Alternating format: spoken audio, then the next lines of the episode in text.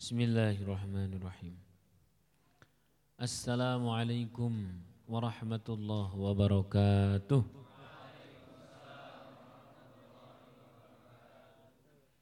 الحمد لله الحمد لله الذي أنعم علينا بنعمة الإيمان والإسلام وأمرنا باتحاد وصلة الأرحام والصلاة والسلام على أشرف الأنام وعلى آله وأصحابه الكرام أما بعد Alamin. Allah subhanahu wa ta'ala memberikan kita kenikmatan Nikmat iman, nikmat Islam.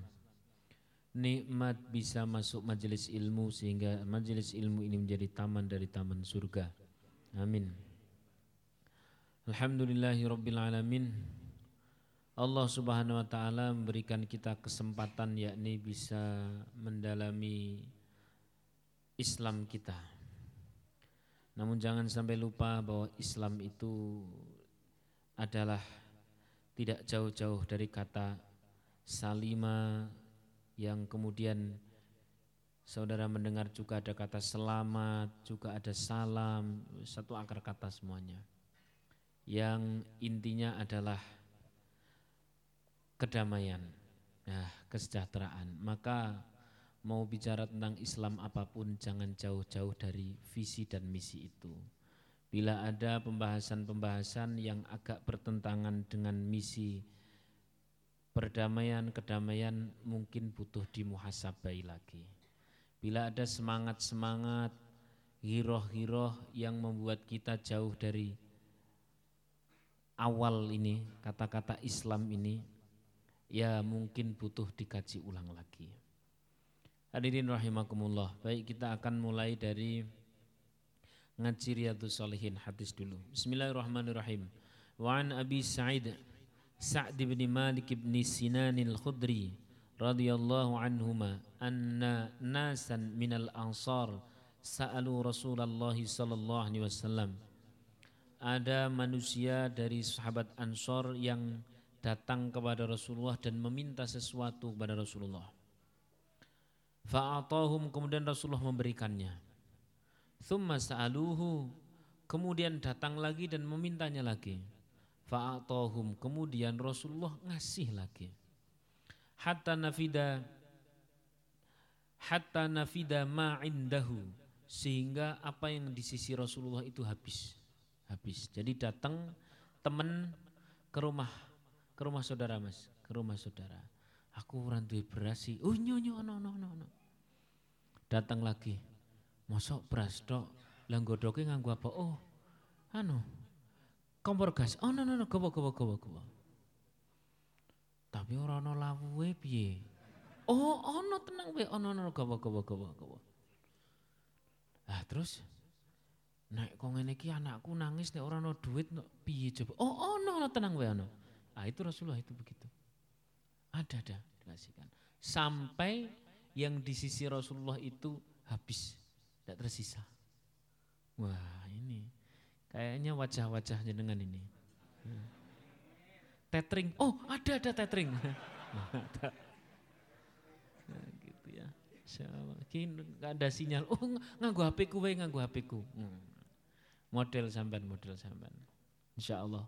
Ya punjul-punjul sidik lah. Bapak Ibu Mbak saudara-saudari itu Rasulullah begitu. Diminta itu ngasih sampai habis. Sampai habis. Nah, ini coba Rasulullah itu model kesabaran sing seperti apa coba yang bisa sampai seperti itu. Gitu ya Mbak ya, sama jenengan pun sama. Anu, aku meh mangat ngaji ora duwe jilbab. Oh, aku ana telu. Oh iya, aku nek nganggo siji tok kok iki adem, loro nih gawa. Gitu. Nah, bismillah wis pokoknya gitu. Gitu. Apalah lagi kok sampai meminta, ndak sampai meminta secara Rasulullah ngasih, ya.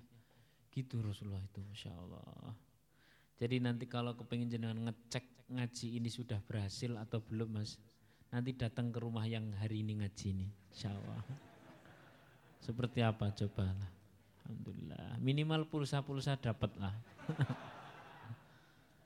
Insya Allah. Rasulullah itu begitu, Rasulullah begitu. Insya Allah. Jadi jangan sampai hal ini, ha, hal ini hanya menjadi wacana saja. Sesekali praktek minimal jenengan ikrarkan bisa mirip Rasulullah kalau hari Jumat. Ya walaupun konek Senin rotok miron miron sidik lah ya. Maksudnya rotok lali-lali biye gitu. Insya Allah ya nek bisa sih setiap hari kita ada kemiripan dengan Rasulullah. Dari setiap segi, dari setiap sudut. Minimal dari sudut ini ketika hari Jumat. Ya. Hari Jumat. Ya cuman hari Jumat tidak apa, hari Jumat dan yang lain itu aja. Allah ya. Faqala lahum hina anfaqa kulla syai'in biyadih. Kemudian Rasulullah bersabda ketika semuanya sudah habis di sisi Rasulullah. Kenapa diminta sama sahabat-sahabat Ansor? sama sahabat-sahabat Ansar. Ma yakun indi min khairin falan addakhirahu ankum. Ma yakun indi tidak ada di sisiku min khairin dari kebaikan falan addakhirahu ankum. Maka tidak mungkin aku simpan ya. Aku simpan untukku bagimu, maka tidak mungkin aku tidak berikan kepadamu. Bahasanya. Bahasanya begini, pokoknya seluruh apa yang saya punya, yang saya senang, yang baik-baik tidak mungkin tidak kuberikan kepadamu.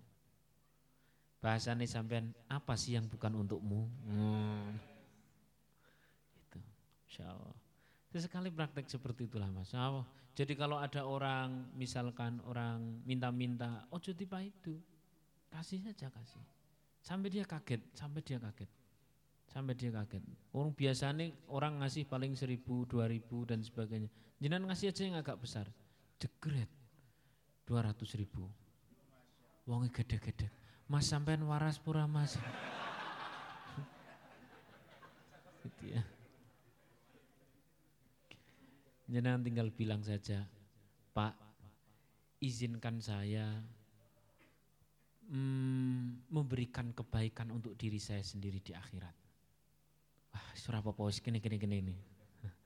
Maksud saya memang sesekali kita mempraktekkan sing model-model seperti itulah.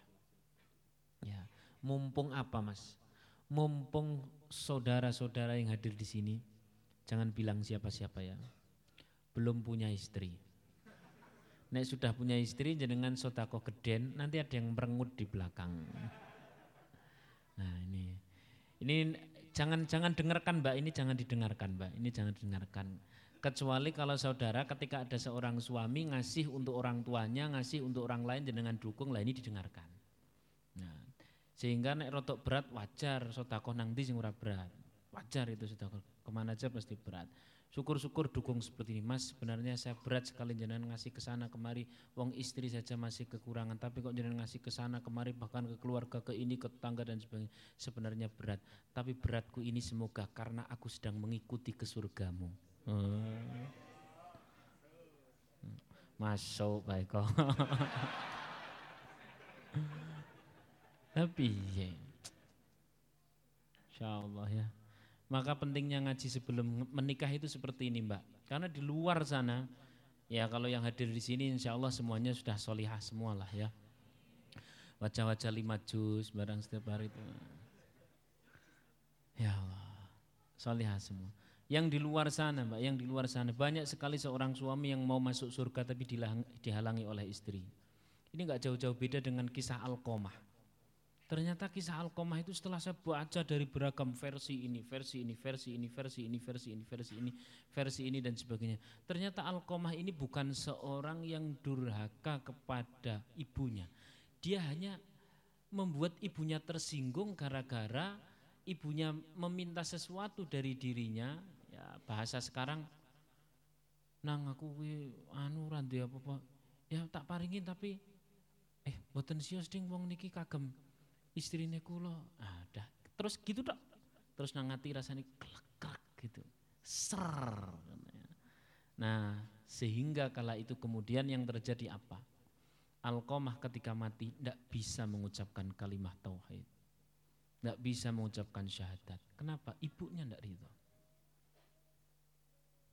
Harusnya seperti apa? Harusnya seorang istri yang paham dan yang hadir di sini insya Allah. Satu ketika bahkan katakan saat benar-benar kepepet, mepet hanya uang sebut saja 500 ribu itu pun untuk kepentingan makan dan sudah kepentingan-kepentingan yang sangat darurat.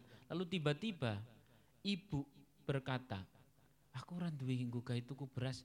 Ini seorang istri yang soleh akan berkata demikian, kasihkan kepada ibumu. Lu kenapa? Karena engkau masuk surga ada di telapak kaki ibumu dan aku masuk surga ada di tangan engkau. Maka ketika ini sebenarnya saya sedang mengikuti surgamu. Tapi kalau ini tidak didukung, yang terjadi apa? Justru berarti menghalangi surga. Nah ini para akhwat-akhwat yang hadir di sini persiapkan mbak. Nanti satu ketika yang akan terjadi tanya sama pengantin-pengantin baru, tanya sama pengantin. Paling sulit itu adalah bersikap adil antara cinta kepada istri dan cinta kepada orang tuanya. Tanya, tanya oh pengantin baru, pasti jawab, Iya, iya aku lagi bingung kuwi. Nek ro melu kono kene bojoku mrengut, melu kene aku ra penak karo ibuku wong sing dhisik sing nyekolahke ya ibuku sing sekolah ibuku kabeh. Tanya nek ndak percaya. Tanya, oh, tanya. Jawabannya pasti, iya kita cerita aku apa. Tapi bagi yang hadir di sini, yang sudah solih-solih akan paham. Bahkan sampai diibaratkan, sampai diibaratkannya satu ibarat yang sangat luar biasa. Ini oleh para ulama zaman dahulu. Bahkan ketika misalkan dalam sebuah perahu. Dalam sebuah apa? Perahu. Ini ilustratif ilustratif. Gak usah tanya kepada pengantin baru, tanya sama bapak-bapak kalau tidak percaya. Dan ini memang ujian bagi seorang istri, ujian. Kalau bisa seperti ini, oh bareng-bareng masuk surga. Amin Allahumma. Nah, ini sampai ilustrasinya begini pes, uh, kapal, kok kapal itu apa tadi? Perahu, perahu isinya tiga orang. Suami, istri sama ibunya suami. Suami, istri sama siapa? Suami berposisi sebagai nahkoda yang tidak mungkin tergantikan karena dia yang harus nyetir. Kemudian yang di belakang adalah istri dan ibu. Singkat cerita, singkat cerita, ini perahu tidak mungkin bisa berjalan. Kenapa? Karena keberatan muatan. Setelah barang-barang dijatuhkan ke laut, ternyata masih juga keberatan. Saya tanya, siapa yang harus jegur ke laut? Kalau suami berarti semua mati. Karena dia nahkoda.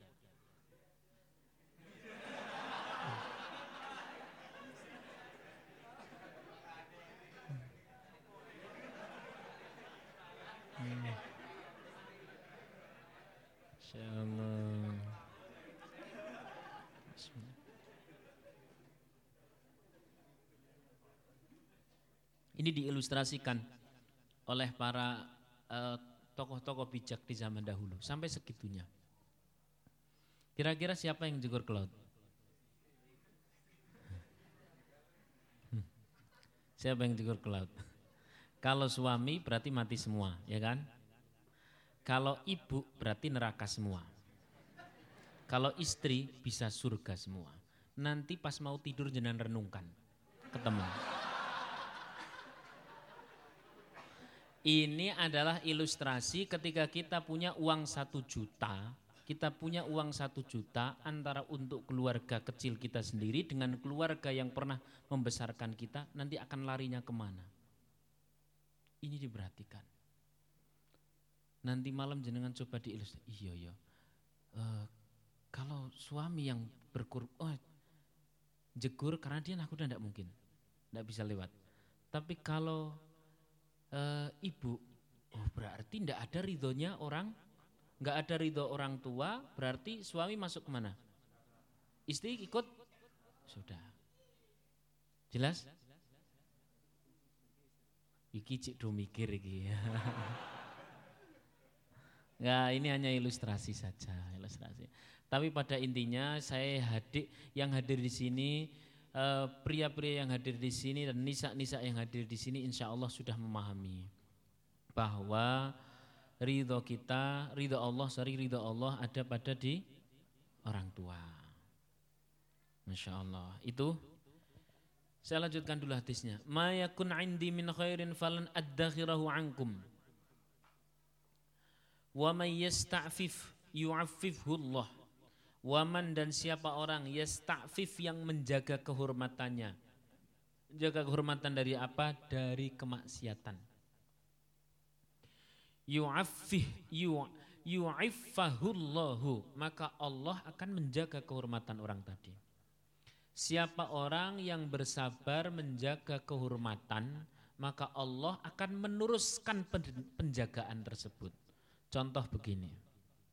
Satu ketika Mas, sore diajak oleh orang untuk bermaksiat. Apa itu? Sebut saja diajak sebut saja ngaroke gitulah ya gampang-gampangan ngaroke yo kan ramumat ah moh aku saya hijrah kok lu ini syukuran lo yo hmm. oh begitu lah yang syukuran kok nang karaoke barang lu kita kan mengungkapkan rasa syukur. Yo coba tolong nang masjid. Ndak ndak mau ndak mau ndak mau. Ah. Terusnya dengan uh, dalam bahasa hadis di sini yasta'fif. Berusaha menjaga diri dari kemaksiatan dengan cara sabar untuk tidak melakukannya. Walaupun ingin galingan zaman biyen iya aku wis wira mangkat yo. Malah dibisik-bisik karo koncone sing saiki anyar-anyar lho ndanda terus dengan bilang begini ah ora ora. Bismillah ora. Kat kat yuk kat Bismillah. Ngapura aku surah aku saya mau hijrah ini beneran saya mau hijrah saya mau ikut kajian saja. Ya wis wis wis ngadil dil dan sebagainya. Lah kalau sudah seperti itu jenengan memulai nanti Allah yang akan melanjutkan keterjagaan. Maksudnya bagaimana?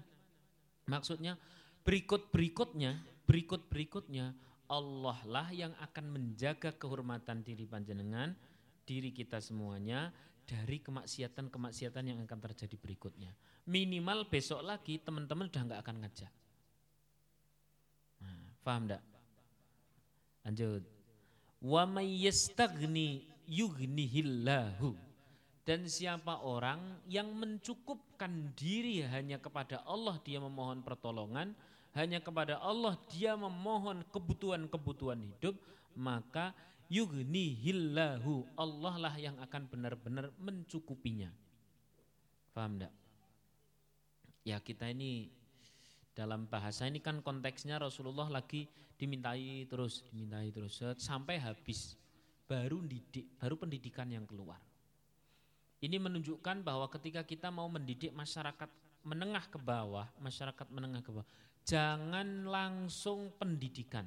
Beri kenyangkan perutnya dulu kasih pakaian dulu. Sampai kita benar-benar maksimal baru ngasih pendidikan. Ini cara Rasulullah. Yo ini bawa lagi, bawa lagi. Saya sudah habis. Gini ya, siapa orang yang mencukupkan dirinya dengan pertolongan Allah, maka Allah akan mencukupi. Ini kan kata kasaran yang ngomong, kasaran yang ngomong wis to sampean sing ah, kan wis tak kei wis njaluk karo Gusti Allah nek karo aku ono e tapi nek Gusti Allah ora ono kan begitulah kasaran yang ngomong ini kan sebuah pendidikan tapi kalau kita mendidik orang, yang terjadi apa? Dikenyangkan dulu. Nah, baik kita fokus lagi.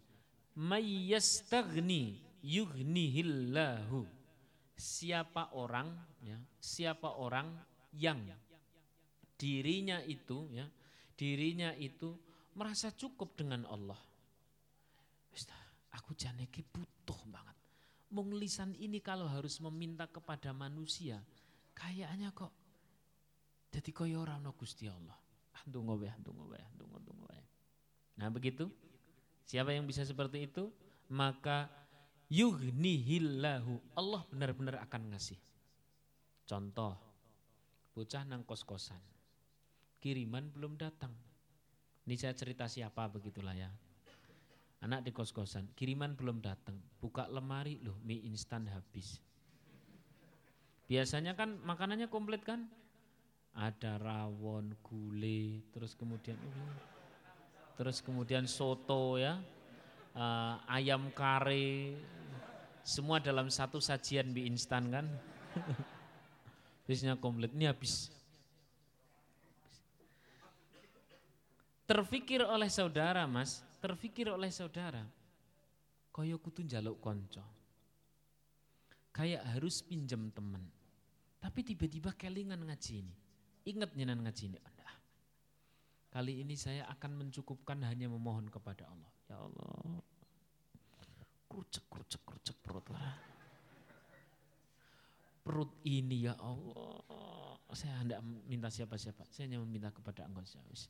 Dikawa sholat, wis bar sholat, dikawa nang ngalap laptop. Lu kok biru kabeh warnane. Dikuat-kuat. Ini awit esok urung sarapan.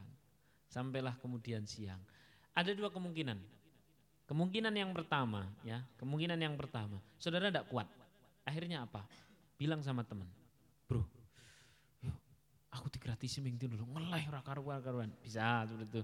Atau bro, sing wingi kai anu utangku cik itu, icik, atak aku nyileh mana apa-apa ya, bisa seperti itu, bisa. Ini kemungkinan ya, kemungkinan-kemungkinan pertama itu kita akan nggak kuat akhirnya minta kepada manusia.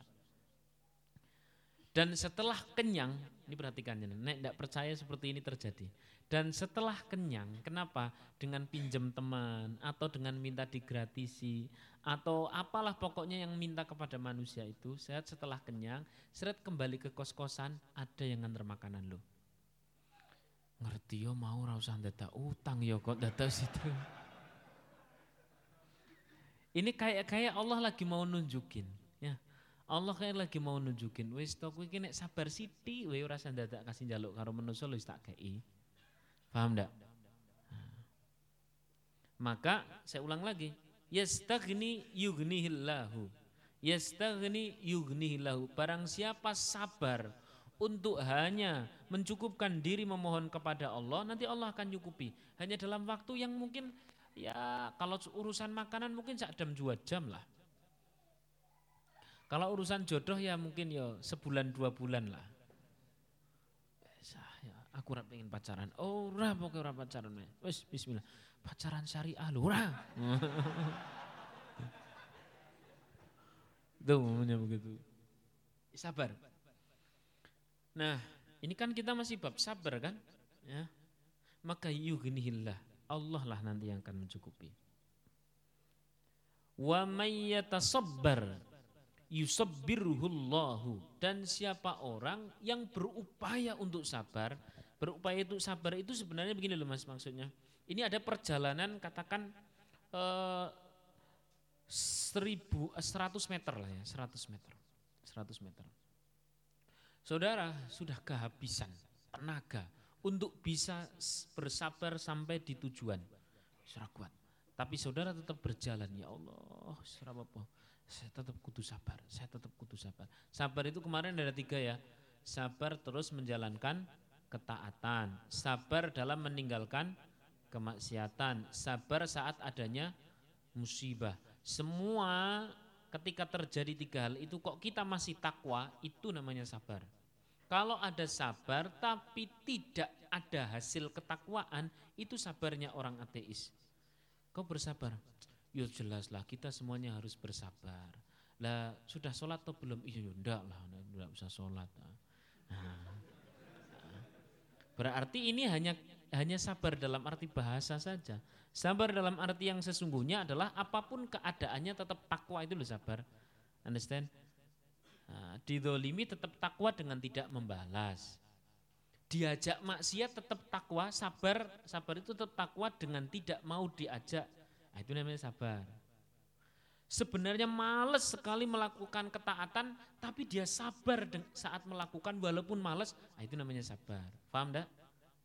Siapa orang yang menjalani seperti itu maka adalah yusabbirhullahu Allah lah yang akan melanjutkan menyempurnakan kesabaran hamba tadi itu memberi kekuatan kesabaran si hamba tadi itu Bahasanya awal memang harus kita mulai, tapi berikutnya adalah la haula wala quwata illa billahil aliyil adim. Ya, ini paham ya yang ini ya. Saya lanjutkan. Wa ma u'tiya ahadun ata'an khairan wa ausa'a minas sabri. Ya, dan seorang itu tidak akan mendapatkan anugerah yang lebih baik atau lebih lapang melebihi anugerah yang diberikan kepada orang yang bisa bersabar. Maksudnya Allah tidak akan memberikan sesuatu yang lebih baik kecuali dengan kesabaran. Hmm. Ini masih tentang masalah kesabaran, Masya Allah.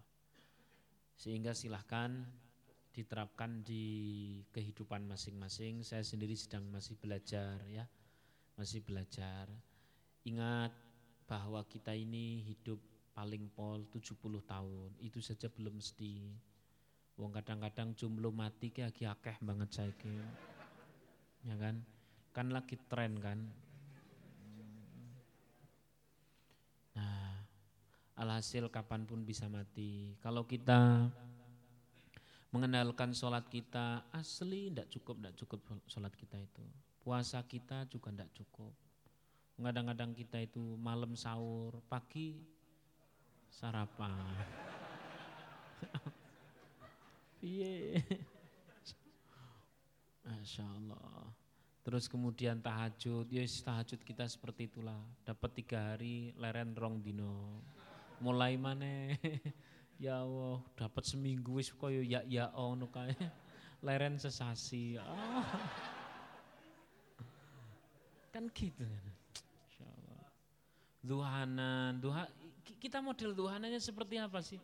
Ya nek dong pas lagi sergap Masya Allah 8 rokaat nantang-nantang ya Allah Gusti, andekan masih ada syariat dua lagi mau saya tambahi lagi lebih dari 12. Iya nek dong lagi semangat. Nek pas tidak semangat, pas kita lagi banyak proyek, pas kita lagi banyak perkara, pas ada kesibukan, HP bunyi terus, masya Allah, rong rokaat lu kutundang rampung. WA penting. Allahu Akbar. Undang cepet-cepet rampung. Ini orang sholat tapi pikirannya sudah di HP. Apa yang seperti itu mau kita pakai untuk menghadap Allah? Kan sangat kurang kan. Kita dikasih perjalanan di dunia ini mencari bekal cuma 70 tahun untuk hidup di akhirat berapa? Miliatan tahun. Maka sangat tidak cukup kalau ngandelin sholat kita. Alhasil pakai apa kemudian? Ya pakai 24 jam itu bagaimana jadi ibadah. Dan menjadikan 24 jam itu menjadi ibadah tidak mungkin tanpa yang bernama kesabaran. Maka bapak-bapak yang hadir di sini ketika yang pertama sabarlah terus berbuat baik untuk keluarga. Terus bersabar. Terus kemudian kalau dipa itu jenengan bilang saja, dipa itu lagi dek, tidak apa-apa. Lah kenapa tuh malah jaluk dipa itu? ini biar menambah kesabaran saya. Saya memberi nafkah itu pahalanya satu. Terus kemudian memberi nafkah kok tipe itu pahalanya dua. Tambah dituntut-tuntut mungkin bisa tiga. Kenapa? Karena kita orientasinya akhirat. Tidak bisa marah nanti Mas Dinan seperti itu. Asli nggak bisa marah. Paling-paling ngelihat orang merenggut kita akan tersenyum. Sebaliknya Mbak, sebaliknya juga sama. Seret suami pulang, seret, lu Mas, ini kita sudah akhir bulan loh mas, tidak ada belanja, tidak ada apa-apa. Ya, nggak ada. Lah kemarin nek keluar? Yo jane kur metu tok. Ya, lah kenapa? Ya biar tidak dipeliroi sama mertua aja. Maksudnya kan ada sih pengantin-pengantin baru sing penting tokok metu gitu aja. Seret, belum punya kawian lah ceritanya. Ini istri yang solih akan berkata demikian. Tidak apa-apa mas, tidak usah khawatir kita kita walaupun dengan seperti ini dengan penuh kekurangan tetap ada yang bisa dimakan. Ini kan masih ada lauk, masih ada nasi, masih ada nauk dan sebagainya. Kalau perlu sebenarnya tidak ada semuanya, Mas. Biar apa? Kurang nafkah itu satu pahala, tidak ada nafkah mungkin malah dua, Mas.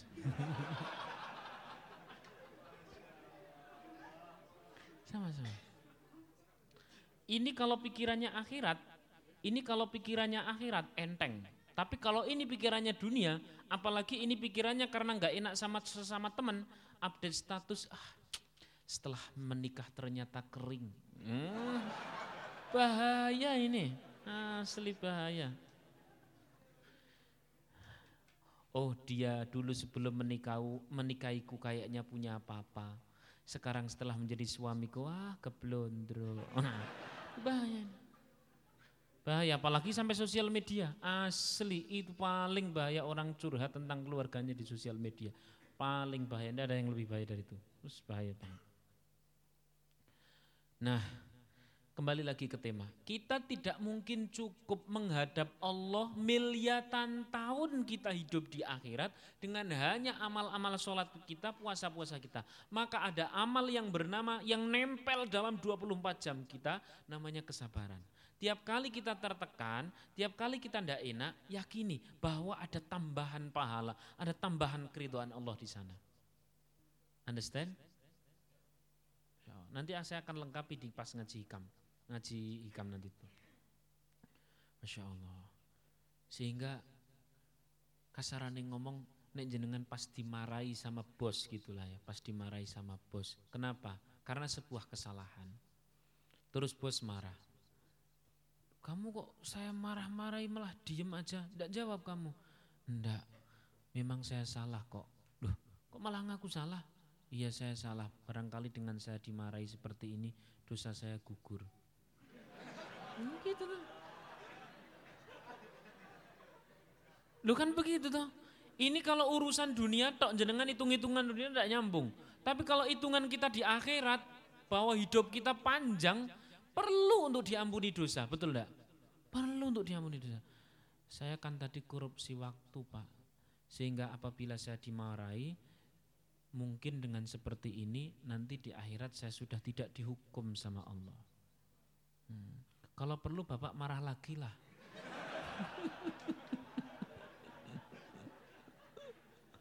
Lo kenapa? Kalau tadi marah penghapusan dosa, marah yang kedua ini saya biar dikasih pahala. Kesabaran lagi ini munculnya. Understand? Masya Allah. Ki sing buri sing gak terus ngaji ki ngaji opo to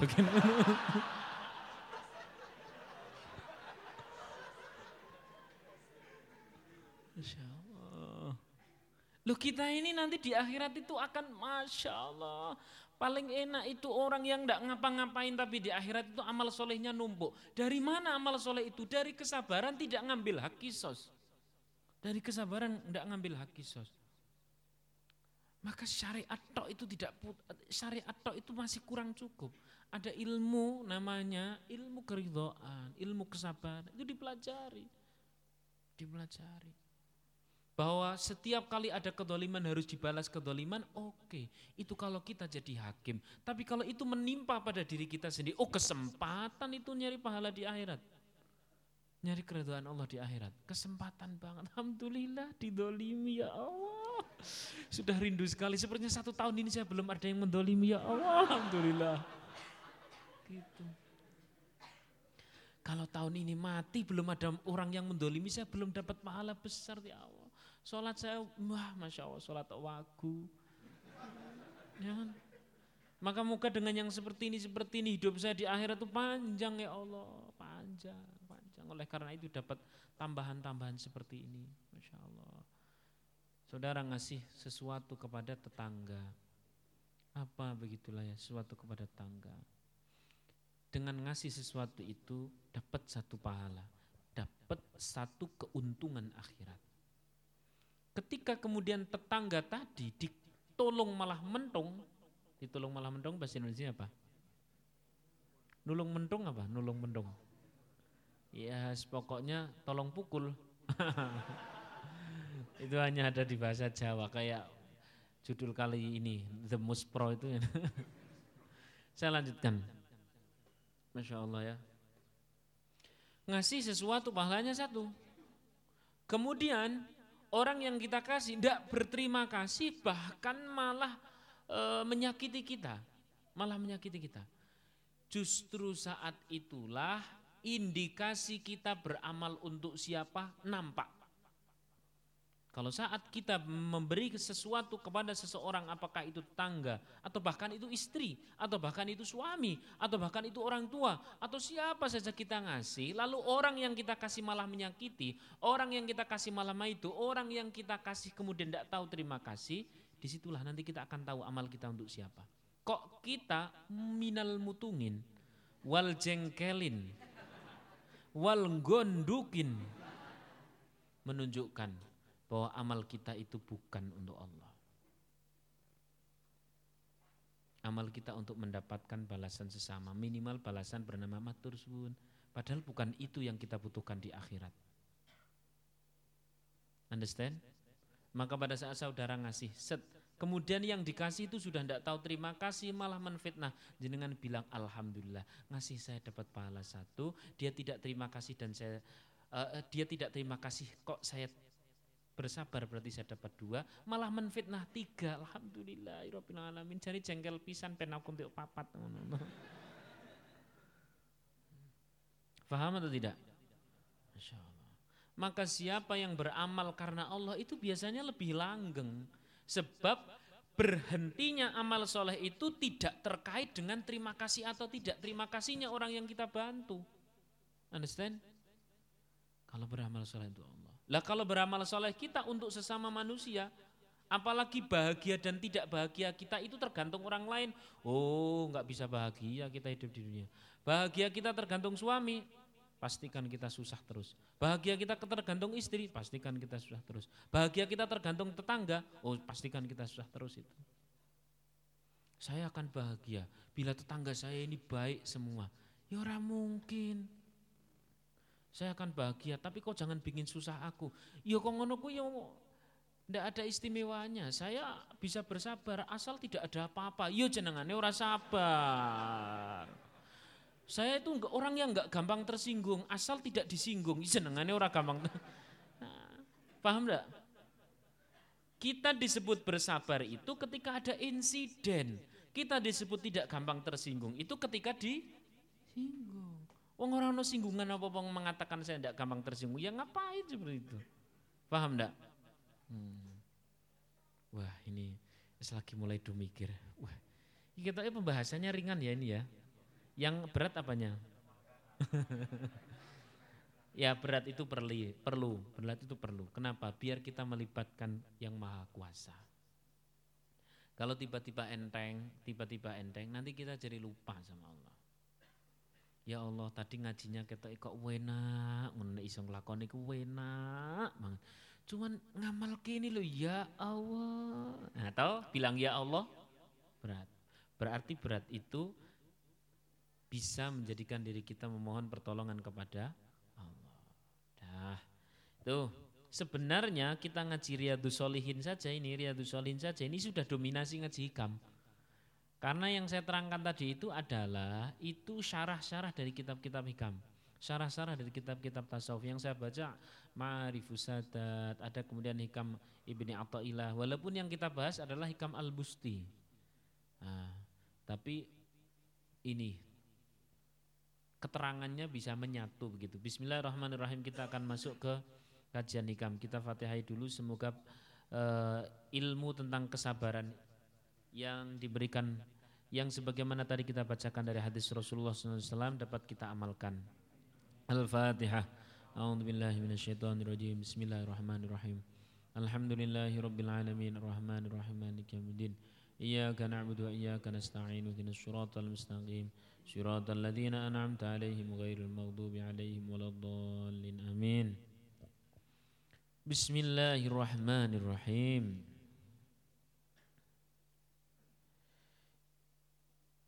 يا الله يا رحمن الرحيم.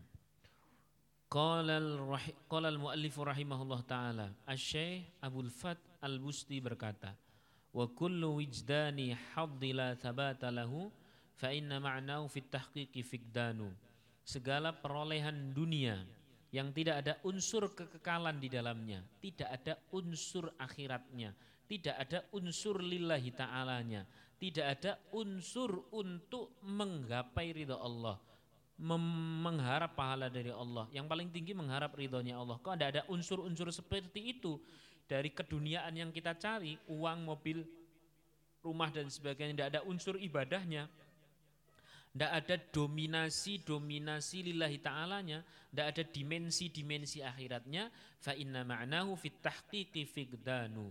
Maka artinya kau sebenarnya kehilangan saat mendapatkan harta itu. Maksudnya begini, kita ini kan dihidupkan di dunia, wa khalaqtul jinna wal insa illa.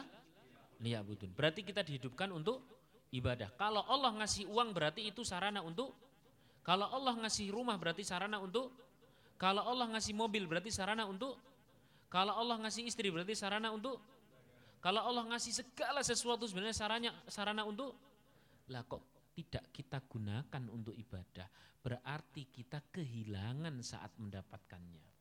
Faham?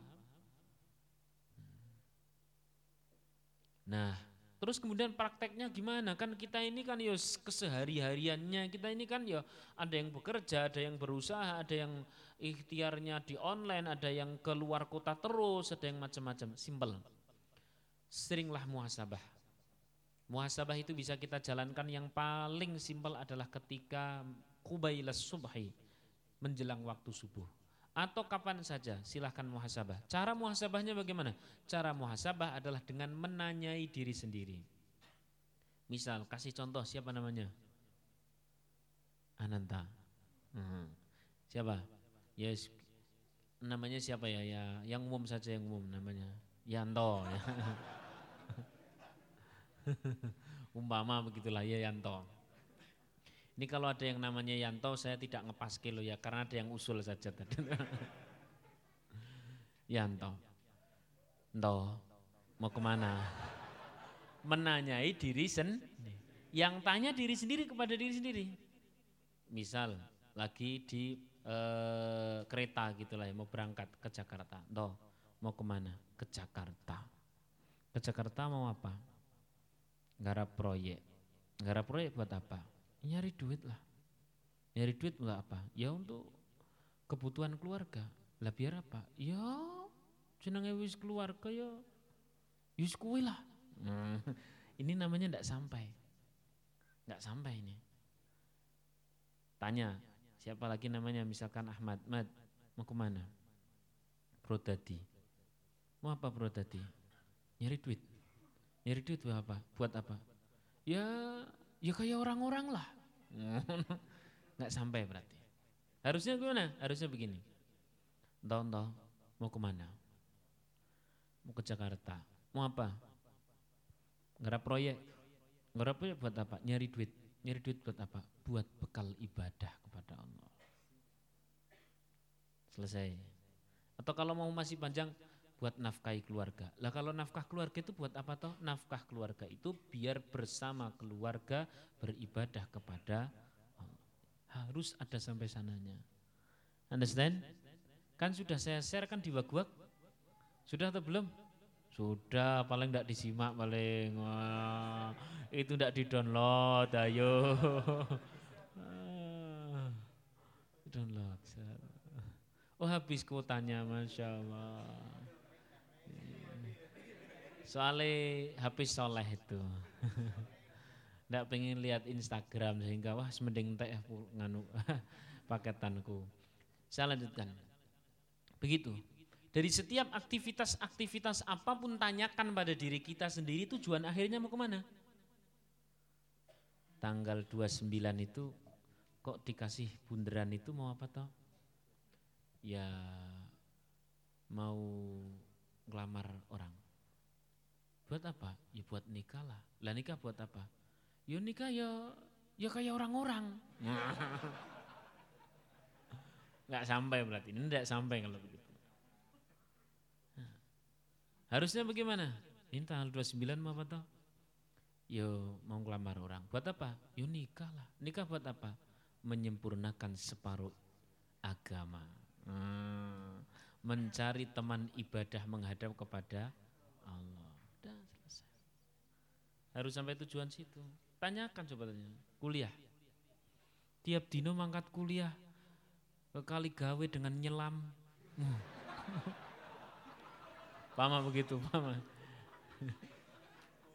jane ngopo toh jane? Tanyakan, tanyakan, tanyakan. Visi besarnya itu apa? Yo karena ngikut orang tua. Lah ngikut orang tua biar apa? Yo pengen ora itu. Lah nek ora itu apa? Ya wis pen tenang lah itu. Enggak sampai ini kalau begini. Ini enggak sampai. Ini the muspro. Tadi juga sama ke Purwodadi the muspro, ke Jakarta the 29 the muspro. Kalau tidak sampai ada tujuan akhirnya untuk ibadah kepada Jadi ditanyakan ulang lagi. Kau ke Kaligawe kuliah mau apa tuh sampai uh, bukan menyelam lah ngapung. Kenapa toh? ya nyari ilmu. Lah kenapa kok nyari ilmu? Ya orang tua yang suruh lah. Orang tua yang suruh kok kau mau aja? Ya birul waliden. Lah kenapa birul waliden? Birul waliden bagian dari ibadah. Semoga Allah ridho. Nah ini sampai. Jelas? Jelas ya semuanya ya? Jualan. Jualan apa bos? Ya inilah jualan sandal. Buat apa jualan sandal? Ya dapat duit. Lah terus yang pakai sandal ya tidak nyokor. Ngono tok. Iya ngono tok. Ndak sampai ini. Ini the muspro.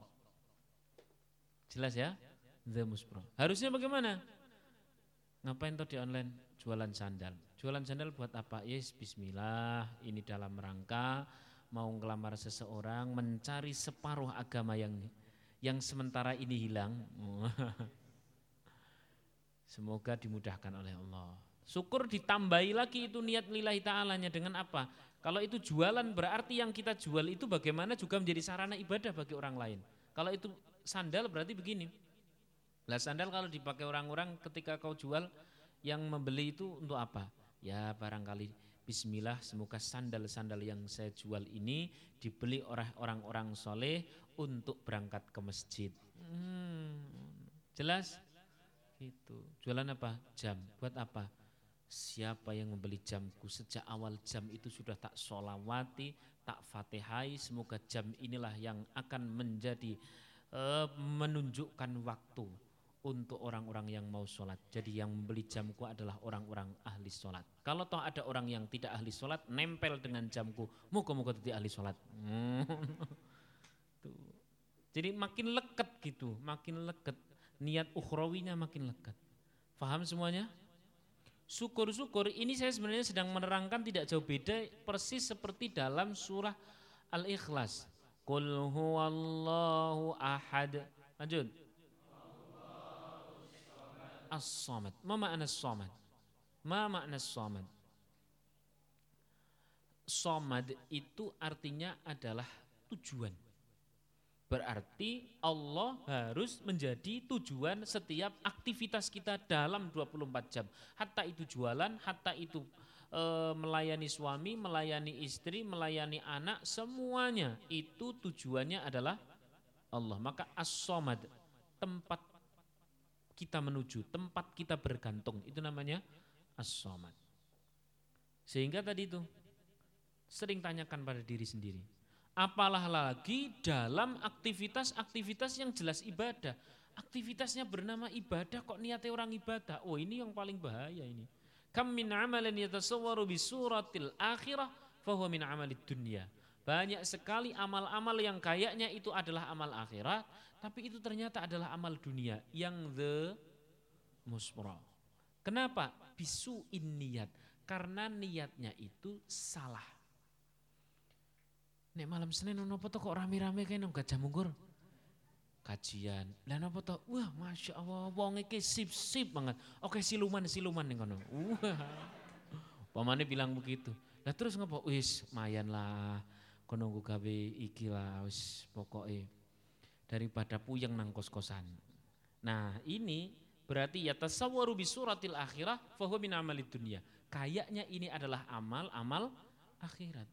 Fahuwa min amalid dunia, tapi itu amal dunia. Kenapa? Bisuin sebab niatnya salah. Wa kam min amalan yatasawwaru bis wa kam min amalan yatasawwaru bi surati dunya fahuwa min amalil akhirah kata Rasulullah. Dan banyak sekali amal-amal yang kayaknya itu amal duniawi tapi ternyata itu amal akhirat yang luar biasa. Kenapa? Bihusnin niat. Sebab niatnya tepat Bagaimana mengecek niat kita itu muhasabah. Cara muhasabahnya bagaimana? Tanyai diri sen. Syukur-syukur begini mas, ini penutup. Syukur-syukur begini. Qul huwallahu ahad, Allahu samad, lam yalid wa lam yulad. Terus? Walam yakun lahu kufuan ahad walam yakun dan tidak ada lahu bagi Allah kufuan pembanding ahadun satu pun tidak ada. Maksudnya bagaimana? Tiap kali kita melakukan aktivitas 24 jam itu tidak usah ada pembanding yang kita sandingkan dengan Allah. Contoh begini, mau ke mana? Kok sudah nyeci seperti itu naik kereta? Mau beribadah kepada Allah. Lu kok nang Jakarta? Iya, ibadah saya dengan mencari nafkah untuk keluarga. Hmm, ini khusus yang berkeluarga ya, jumlah ramelu-melu. Understand? Tanggal 29 mau apa? Mau beribadah kepada Allah bersama pendamping hidup. Hmm. Jadi nangarep langsung set ibadah lang. Kalau tadi kan masih pada kerentetan kalau tadi itu. Mau ke mana? Ke Jakarta. Jakarta mau apa? Mau proyek proyek mau apa? Mau nyari duit. Nyari duit buat apa? Buat keluarga. Buat apa? Buat, kalau tadi itu. Tapi ini yang lebih keren lagi. Set Ki, mau apa tuh kok naik kereta Pacakannya necis? Mau beribadah kepada Allah. Dari depan. Dan ini bertanya pada diri sendiri, ditancapkan di dalam hati diri sendiri. Dalilnya mana? Tadi sudah saya sampaikan dari Rasulullah SAW. Baik, sampai sini sudah jelas semua kan? Jelas? Alhamdulillah. Semoga bermanfaat. Silahkan langsung dipraktekkan dalam kehidupan masing masing sebagai penutup saya tanya sama jenengan bisnis dua orang berapa orang atau tiga orang. Berapa orang? Niatnya untuk apa? Niatnya untuk apa? Lagi saya tanya niatnya untuk apa? Niatnya untuk apa? Ternyata saudara ditipu. Ternyata diapakan? Duit dapat enggak enggak dapat. Didolimi dapat enggak? Ketika didolimi sabar jadi apa?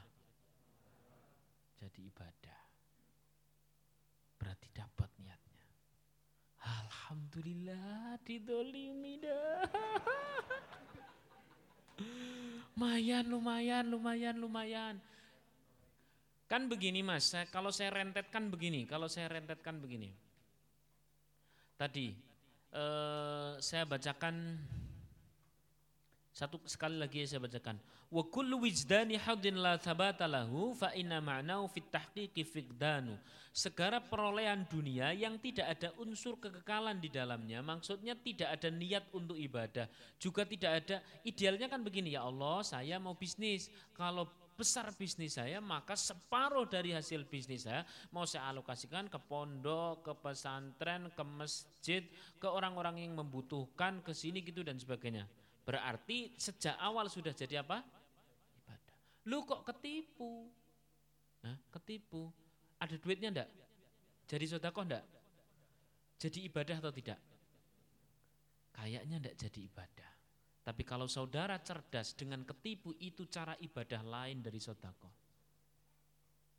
Ya Allah, kalau ada uangnya mau saya gunakan sodakoh. Lu kok ini uangnya ditipu? Maka semoga ya Allah gagalnya saya bersodakoh bernama ibadah, sabarnya saya didolimi pun bernama Wah ini kok langsung wajah piye ini. Paham ya? Maksud saya ini penting mas. Ya minimal dengan ngaji seperti ini saudara cara orang berjalan gitu di depan ada jeglongan-jeglongan sudah tahu dari awal. Understand? Kalau tidak tahu dikiranya enak terus. Begitu ndak enak minal mutungin, wal jengkelin, ngamuin, wah wal maidunin sak komplit. Enggak jadi ibadah lah. Itu dulu yang dapat saya sampaikan. Semoga bermanfaat. Amin Allahumma. Amin. Insya Allah kita akan ketemu lagi di pekan depan. Insya Allah. Yang ngaji hikam di Masjid atau fake itu masih hikamnya Syekh Ibni Athaillah Ilhal Iskandari. Jadi pembahasannya benar-benar berbeda kalau besok pagi. Mung di sana banyak orang-orang sepuh sehingga contohnya husnul khotimah. Maka saudara kalau sampai sana tidak usah kaget bila didoakan husnul khotimah. Nah, ya, insyaallah, insyaallah. Kalau ada salah-salah saya mohon maaf. Semoga setiap kali ada kekurangan yang satunya menjadi kelebihan bagi yang satunya. Paham kan? Dua orang berteman, yang satunya itu membuat kita bersabar. Berarti yang kita bisa bersabar. Bagi kita baik atau tidak? Baik. Saya tanya lagi, di, dilihat dilihat, tangan saya dilihat. Misalkan ada tiga orang, atau empat orang, atau lima orang, atau dua orang wis yang satunya itu kelakuannya bikin kita sabar. Bikin apa? Bikin kita sabar. Kita bersabar baik atau tidak? Baik. Berarti itu jadi kebaikan betul? Jadi ibadah enggak? Jadi ibadah. Terus kemudian yang membuat kita bersabar sejatinya dia berjasa atau menjengkeli? Berjasa. Maka orang yang membuat diri kita latihan sabar, orang tersebut baik atau buruk? Uh, jeneng apik kabeh. Dah, wis pokoknya. Mari kita tutup dengan membaca istighfar bersama-sama ya. Istighfar bersama-sama. Kemudian kita lanjutkan dengan sodako, ya. dilanjutkan lagi dengan uh, doa. Mari bersama-sama beristighfar. La ilaha illa anta Subhanaka inni kuntu minaz zalimin. La